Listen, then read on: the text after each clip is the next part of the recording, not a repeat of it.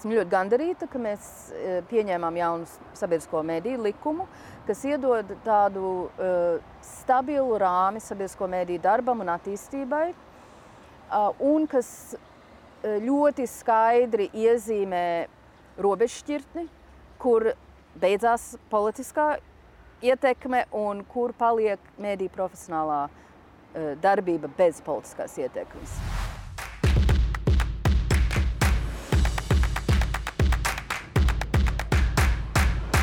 Mēs man šķiet esam ļoti zīmīgā vietā. Mm. Barikāžu mūrs un, un Berlīnas mūrs. Un ko jums šie, šie divi mūri nozīmē? Nu, man abi mūri ir daļa no manas um, dzīves stāsta par to, kādā veidā, kurā laikmetā un kuros apstākļos uh, bija nepieciešams iestāties par Latvijas neatkarību un Latvijas demokrātiju. Berlīnas mūrs, protams, bija simbols visaugstā kara laikā, kā tā, tā vieta, aiz kuras sākās slēgta no pasaul, pārējās pasaules uh, nošķirta sabiedrība. Jūs gadījumā esot tajā pusē, nošķirt, Ma, kur nevarēja tikt šai pusē, citu gadījumā savukārt, kur nevarēja tikt uz otru pusi, vai ne? Jā, tieši tā. Jo es uh, dzim, uh, piedzimu un uzaugu Amerikas Savienotajās valstīs, Un tad uh, mums augstais kars, uh, karš bija nu, tie apstākļi, kuros mēs dzīvojām, tāpēc, kad uh, mūsu vecāki vairs nevarēja Latvijā dzīvot un bēga pēc otrā pasaules kara uh, vai nu, uzreiz kara beigās. Uh, bet tas mūris uh, man ir tīri personīgi svarīgs. Uh, jaunieši 80. gados meklēja visdažādākos veidus, kā pasaulē atgādināt par tām netaisnībām, kas tika nodarītas Latvijai un citām valstīm, eh, ka tās pēc otrā pasaules kara palika aiz šī dzelzs priekškara. Un eh, viens no veidiem bija vienkārši atgādināt pasaulē, ka joprojām ir tāda Latvija, kad viņa ir okupēta un ka mēs nedrīkstam to aizmirst savās rīcībās, savās darbībās, arī starptautiskā politikā.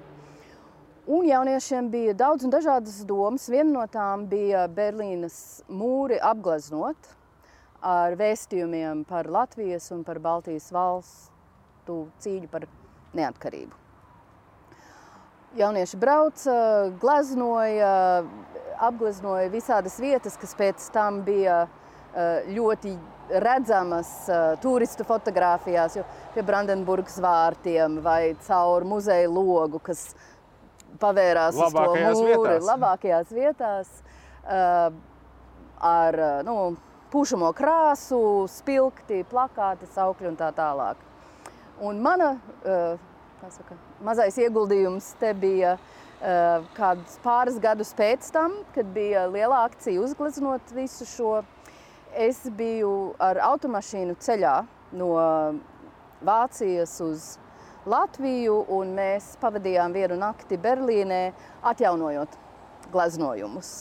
Tā ir tāda nu, adrenalīna pilna nakts, bet saka, bija forši, kad viņi vēl varēja dzīvot un spīdēt savā skaistumā. Tajā laikā gadus. šie jaunieši, par ko jūs runājat, jūsu domu biedri, tas bija vairāk izņēmums, ja tā diaspora tiešām visos vecumos tur bija tik uh, politiski aktīva. Diaspora uh, bija ļoti politiski aktīva. Uh, toreiz neviens jau arī viņu nesauc par diasporu, viņa bija politiskā trimda.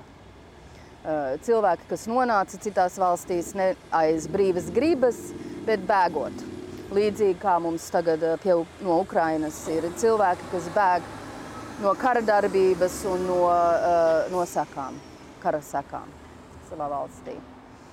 Um, tā tā visi... bija tomēr jau tā kā nu, jūs jau bijāt jau nākamā paudze, kas piedzima tur, bet tas mm -hmm. nozīmē, ka tas strāvojums bija vienalga tik, tik aktīvs visu laiku mājās, un nu, tas jūs arī pilnīgi aizrāva. Tā Latviešu sabiedrība bija organizēta ap šo ideju, Latvijas neatkarības ideju, un ļoti daudz no visa, kas notika Latviešu sabiedrībā, bija ar šo pamata uzstādījumu, ka nākotnē Latvija būs brīva, mums ir pirmkārt jābūt tam gataviem, Tas nozīmē, ka bērniem ir jārunā latviešu, visas latviešu skolas, bērnu nometnes, jauniešu pasākumi. Um, Otrakārt bija jāpalīdz uh, tai dienai tuvoties, un tās bija visas politiskās aktivitātes, kas uh, jauniešiem, protams, šīs uh, azartiskākās aktivitātes bija interesantas uh, un varēja, varētu teikt, visu sirdi mesties iekšā, bet viņas nebija vienīgās, bija ļoti daudzas. Es pat uzaugu Vašingtonā, galvaspilsētā, un Man bija, nu, piemēram, vasaras prakses darbs apvienotā Baltiešu komitejā pie kongresa. Tas nozīmē, ka es pavadīju savu vasaru lobismā par latviešu lietām, tiekoties ar kongresmeņiem, vēstuļu rakstīšanas akcijas, tur, uh, rakstot uh, nu, komentārus un vēstules likumprojektiem, kas iet cauri, kas pamata vēstījums bija neaizmirst to, ka Baltijas valstis ir uh, nelikumīgi okupētas, un eh, ka to nevajag atzīt vai normalizēt, to vajag padarīt par daļu no sarunas un daļu no ASV ārpolitikas. Kā ir tagad? Tad eh, man šķiet, nu, tas ir ļoti skaidrs, eh, saprotams mērķis, uz ko mēs ejam. Ļoti viegli uz viņu ir mobilizēties un mm atrast to motivāciju. Latvija 30 gadus ir, ir neatkarīga. Kā šobrīd kā jums taču ir noteikti sakari joprojām, un jūs saglabājat sakars ar, ar tiem cilvēkiem, kas joprojām dzīvo ASV, piemēram, kāds tur ir tas eh, noskaņojums? Latvijas diaspora šodien ir, ir jau savādāka. Viņa ir ļoti dažāda un daudzveidīga. Ir vietas, kurām, kurās veidojās tagad latviešu sabiedrība. Tagad Latvijas neatkarības laikā ir diaspora cilvēki, kuri ir izbraukuši dažādu mērķu vadīti. Tā ir ekonomiski mērķi, profesionālās izaugsmas mērķi, ģimenes, laulības, visādi mērķi. Bet ir daudz vietas, īpaši Eiropā, kur tagad veidojās vietēja latviešu sabiedrība, vietēja kopiena. Un tur tas kopā būšanas dzinolis, es domāju, ir tieši būt par latvieti. Eh, latviešu valoda, latviešu tradīcijas, rūpe, lai bērni runātu latviešu, īpaši, ja viņi sāk skolu, kas ir viss mītnes zemes valodā. Uh, tā ir rūpe, rūpe par savu uh, nu, ģimeni, par pēctecību, par savām saknēm. Amerikā tā sabiedrība joprojām ir dzīva, viņa joprojām ir aktīva, viņa ir um, mazāk šā politiski orientēti, bet joprojām ļoti dzīva ir tā sabiedrības daļa, kas ir ap skolām un ap jauniešu pasākumiem. Jo tā rūpe par to, lai cilvēki tomēr pazīst savu valodu, savu ģimenes valodu, savu vēsturi, viņa ir, viņa ir reāla.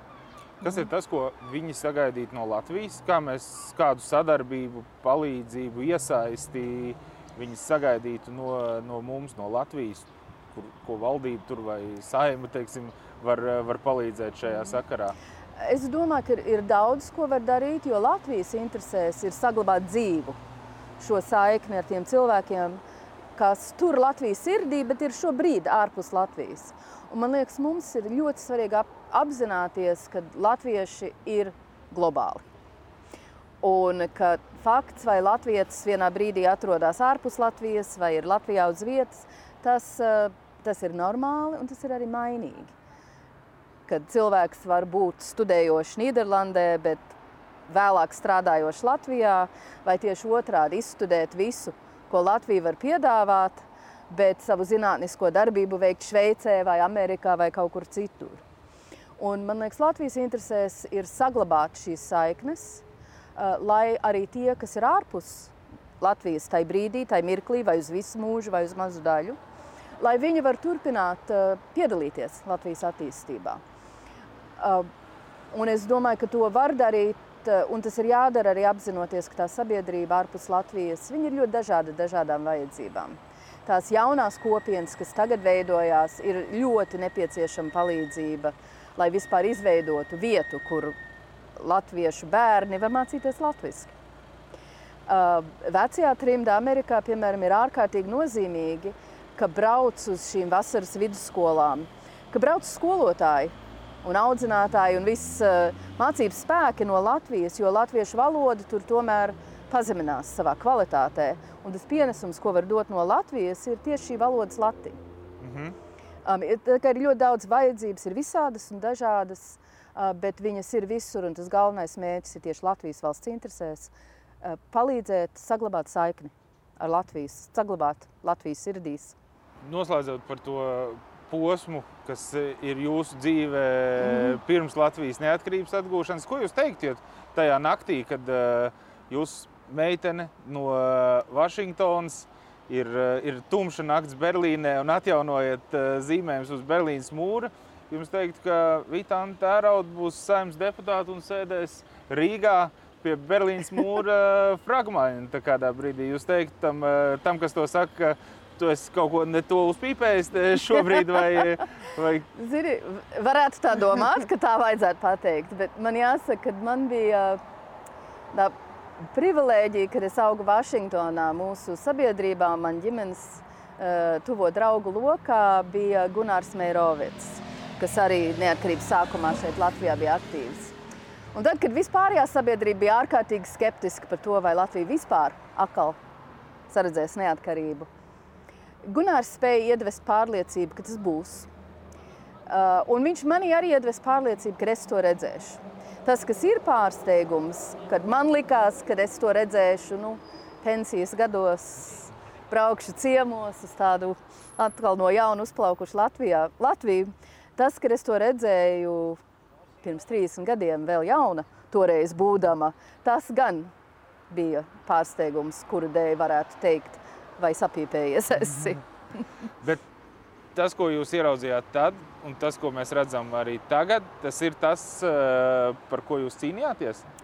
Eh, es teiktu, jā, es, es nepiekrītu cilvēkiem, kas saka, ka viss ir slikti.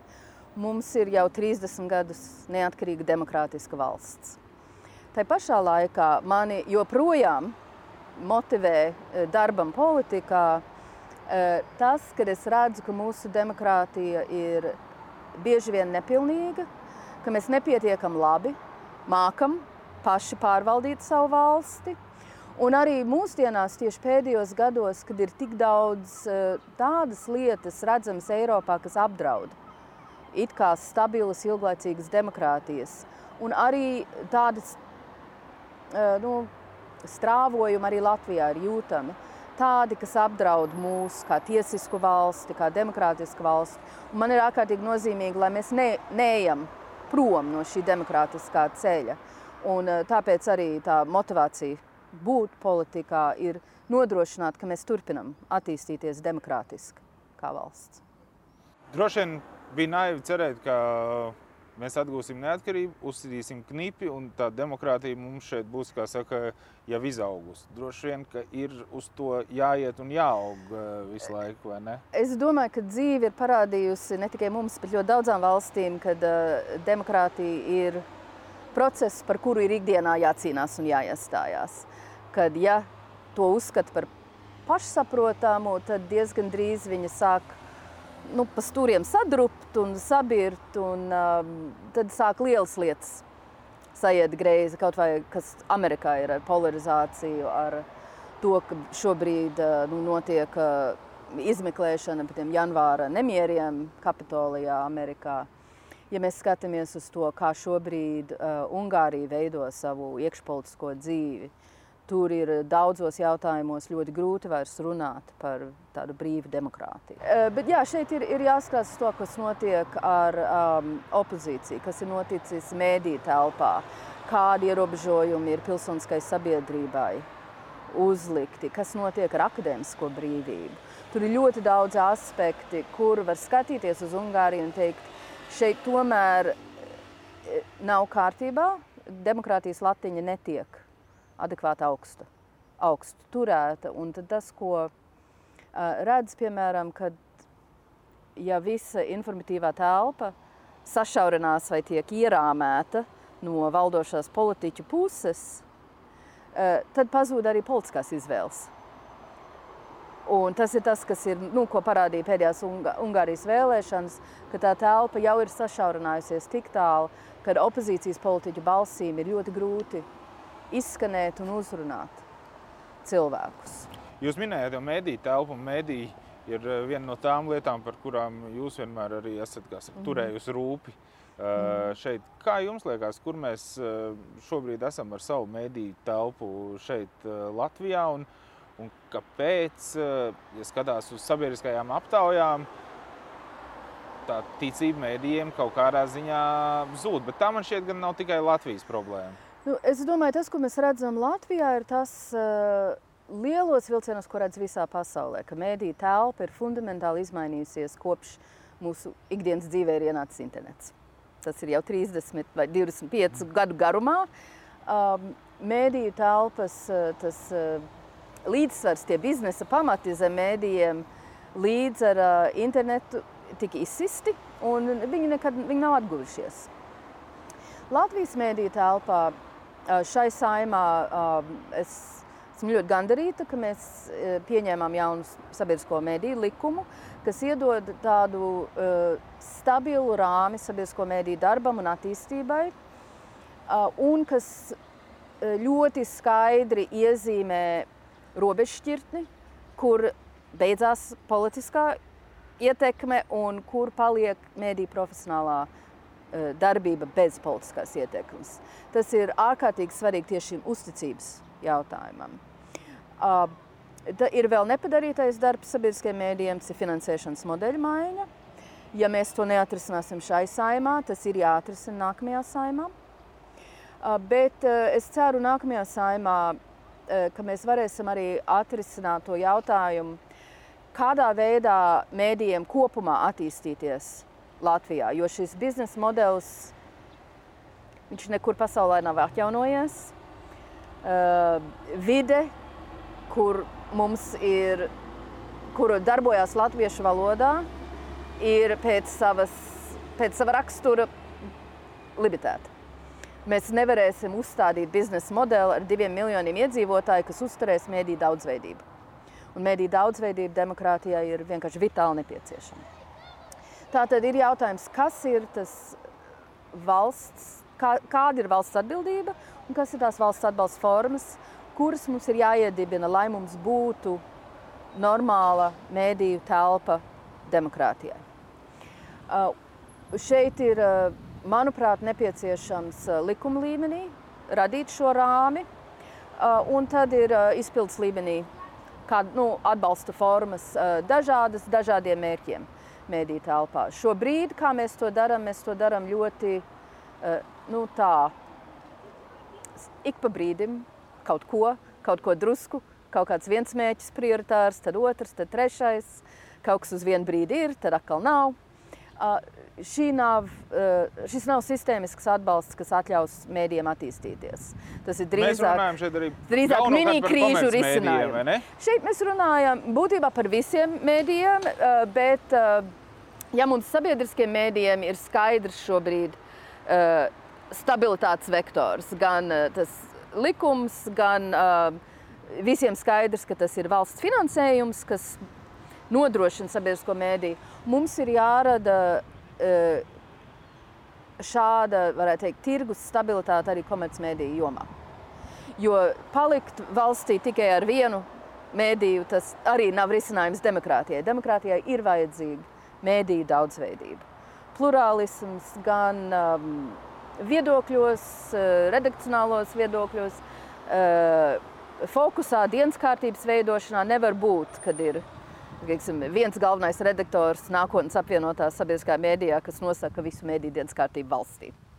Tur ir jābūt dažādībai. Jūs redzat nevar. Eh, arī formas maiņu kaut kādā ziņā. Nu, liekas, ka varbūt avīzes ir jau noiets etaps, vai varbūt tomēr nav. Viņām ir tieši tāda pati nākotne. Bet skaidrs, ka tā loma un tirāžas nu, tīri objektīvi ir uh, samazinājušās es... šobrīd. Piemēr, tas, kā, ne, tas, kā ir, piemērs. tas ir labs piemērs, jo es domāju, uh, tas ļoti labi ilustrē uh, to principu, ka domājot par atbalstu formām, mums ir, mums ir jāsaprot, kā atbalstīt tos mēdījus, ko cilvēki lieto tādās formās, kā viņi lieto. Un tas nozīmē, ka e, drukātais mēdījis savā drukātā formā ir mazāk prioritārs nekā viņš būtu bijis pirms 20 gadiem. Tas nozīmē, ka internetmēdījiem ir jābūt stabilai vietai arī šajā atbalsta programmā, jo tas ir tas, kas reāli šodien veido to demokrātisko diskursu telpu Latvijā. Man tas arī nozīmē, ka mums ir jāspēj uh, saprast, kā mēs varam atbilst, atbalstīt uh, mēdīju informatīvo analītisko dabu, kā mēs varam celt kvalitāti šī segmentā.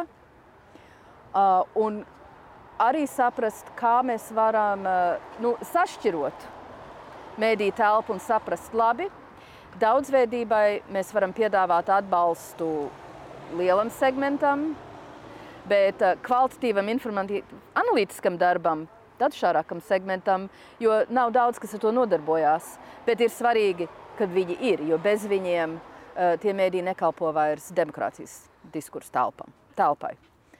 Tagad tas ir būtībā uzstādīt lielo rāmi, izdarīt šīs izvēles, šīs kritērijus.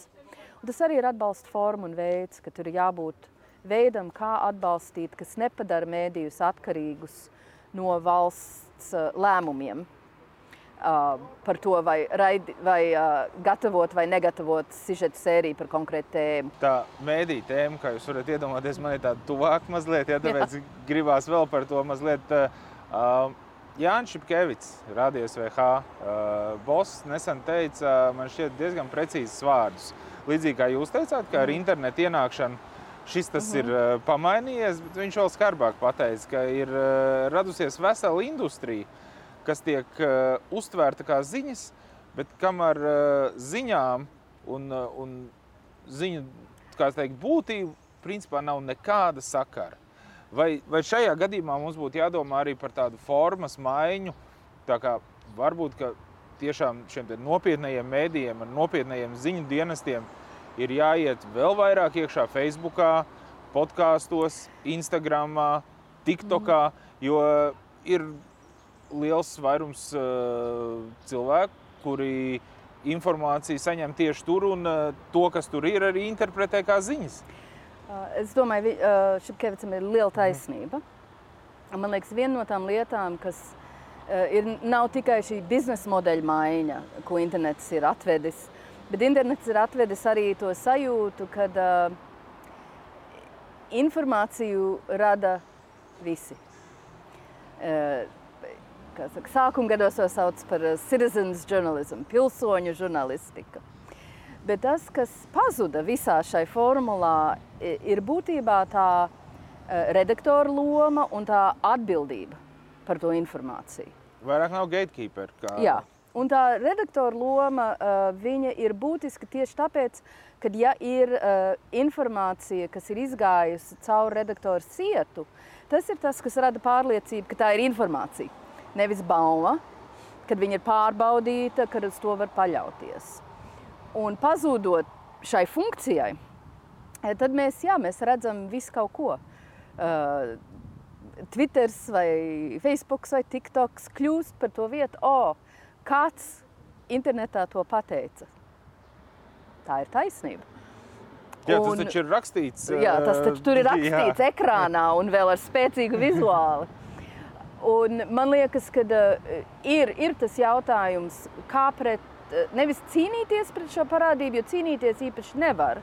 Jo nu, cilvēki grib dalīties un tā, bet, bet tā kā... cīnīšanās mūs aizved atpakaļ mazliet tuvāk tai Ziemeļkorejai. Nu, to ne? nevajag. Bet tas, ko vajag, manuprāt, ir eh, pirmkārt eh, informācijai, kas ir pārbaudīta, kad viņai vajag izkarot sev vietu, un mums vajag tādu spēcīgu veidu, kā kaut kādu kvalitātes zīmi, kā var uzlikt uz, tā, uz informāciju, lai zinātu. Piemēram, ja es lasu Economist vai New York Times, tad es zinu, nu, ka tur ir pārbaudīta informācija, ka tur man uh, nav jāmeklē citi avoti, lai pārbaudītu faktus. Es zinu, ka tie fakti ir jau pārbaudīti. Interpretācijas vai viedokļus, kas izriet no šiem faktiem, protams, daudz un dažādi var būt. Bet, ja es kaut ko izlasu garām ejot Twitterī no cilvēka, ko es nepazīstu, kas tas ir? Nezinu. Nezinu. Bet man liekas, ka kaut kāda, teiksim, attīstīt šo redakcionālās kvalitātes zīmi, kaut kādu, kas būtu atpazīstama un kas būtu tad cilvēkiem nu, momentā saprotam, ka à, šī ir pārbaudīta žurnālistika vai oh, ir, šī ir individuāla pieredze vai viena cilvēka viedoklis. Uh, un trenēt uz to kritisko attieksmi, ka tu vari saprast, ku, nu, kā tu izsver šo informāciju, tad, kad tu pats veido savu priekšstatu. Jā, nu, protams, tas dzīvi. izglītošanas ceļš vienmēr ir grūtākais un garākais. Vienmēr, vienmēr. Bet, um, man liekas, tādā informatīvā pasaulē, kurā mēs dzīvojam, tai, um, nu, tam redakcionālam sietam un faktu pārbaudīšanai ir ārkārtīgi liela nozīme. Varbūt vairāk šodien nekā viņa bija, ka tā bija vienīgā informācija, kas bija pieejama, ka bija tikai caur dažādiem preses izdevumiem, bet visur caur kvalitatīvi pārbaudītu faktu prizmu. Kā jums šķiet, vai uh, Covid, piemēram, uh, laiks, kad mēs īpaši daudz uh, pēkšņi izjutām, kas ir fake news, vai arī, arī tagad, Ukraiņas kara laiks, uh, Krievijas mm. iebrukuma laikā, nu, vai tas parāda, cik īstenībā mums ar steigu vajadzētu ķerties pie šīm uh, lietām? Man liekas, ir steiga, un tā steiga ir tam dēļ, ka tie, uh, nu, cik gadu desmitus var darboties ar biznesa modeli, kas nesadz izdevumus. Pirms sāk pazust vienkārši darboties griboši cilvēki. Un es domāju, tas jau notiek mūsu mēdīju nozarē, un mēs nedrīkstam uh, nu, vienkārši noskatīties, kā nozare uh, nosiņo nebūtībā. Un tāpēc tas jautājums, kā Latvijā mēs uzturēsim mēdīju Eh, daudzveidību un mediju kvalitāti, viņš ir nozīmīgs jautājums, kas ir jārisina nu, ar, ar steigu un jārisina rezultatīvi. Jo es ļoti negribētu redzēt, ka mēs tāpat kā ar sabiedrisko mediju reformu mēs diskutējam gadu desmitus. Mums nav vairs gadu desmiti palikuši, lai atrisinātu jautājumu, kā atbalstīt komercmedijas. Mēs nonākam faktiski pie vēl viena jautājuma, kas uh, ir tāds karstais kartupēlis, man šķiet, uh, mēdīju vidē, Krievu mēdī. Kā mums uzrunāt uh, to sabiedrības daļu, kas patērē mēdījus tikai krieviski? Nu, tagad ir uh, nosacīta, kā saka, tāda laime nelaimē, ja, ka pie mums te ir gan Došķi Latvijā, gan uh, Rīgas viļņi izdod Novai Gazetā. Ja. Mm. Bet ko pašai Latvijai darīt šajā sakarā? Šis, šis ir jautājums, kas ir bijis politiski ļoti jutīgs, ļoti strīdīgs jautājums. Es uzskatu, ka, ja mēs gribam runāt ar Latvijas iedzīvotājiem, mums, ja mēs gribam reāli runāt, tad ir vienkārši jārespektē to, ka ne visi cilvēki šajā informācijas telpā izvēlās latviešu runāt. Es varbūt gribu, lai viņi runātu latviešu. Man būtu vieglāk, ja viņi runātu latviešu, pat cik es nerunāju īpaši labi krieviski. Bet, eh, ja mēs gribam, piemēram, nodot informāciju šai auditorijas daļā, kura savu informāciju meklē un atrod krieviski, tā informācija ir jābūt krieviski. Ja ir svarīgi, kad viņi top zinām tai sabiedrības daļai Latvijā. Un tāpēc es eh, ļoti atbalstu to, ka sabiedriskais mēdījis turpina uh, savus sniegumus Krievu valodā.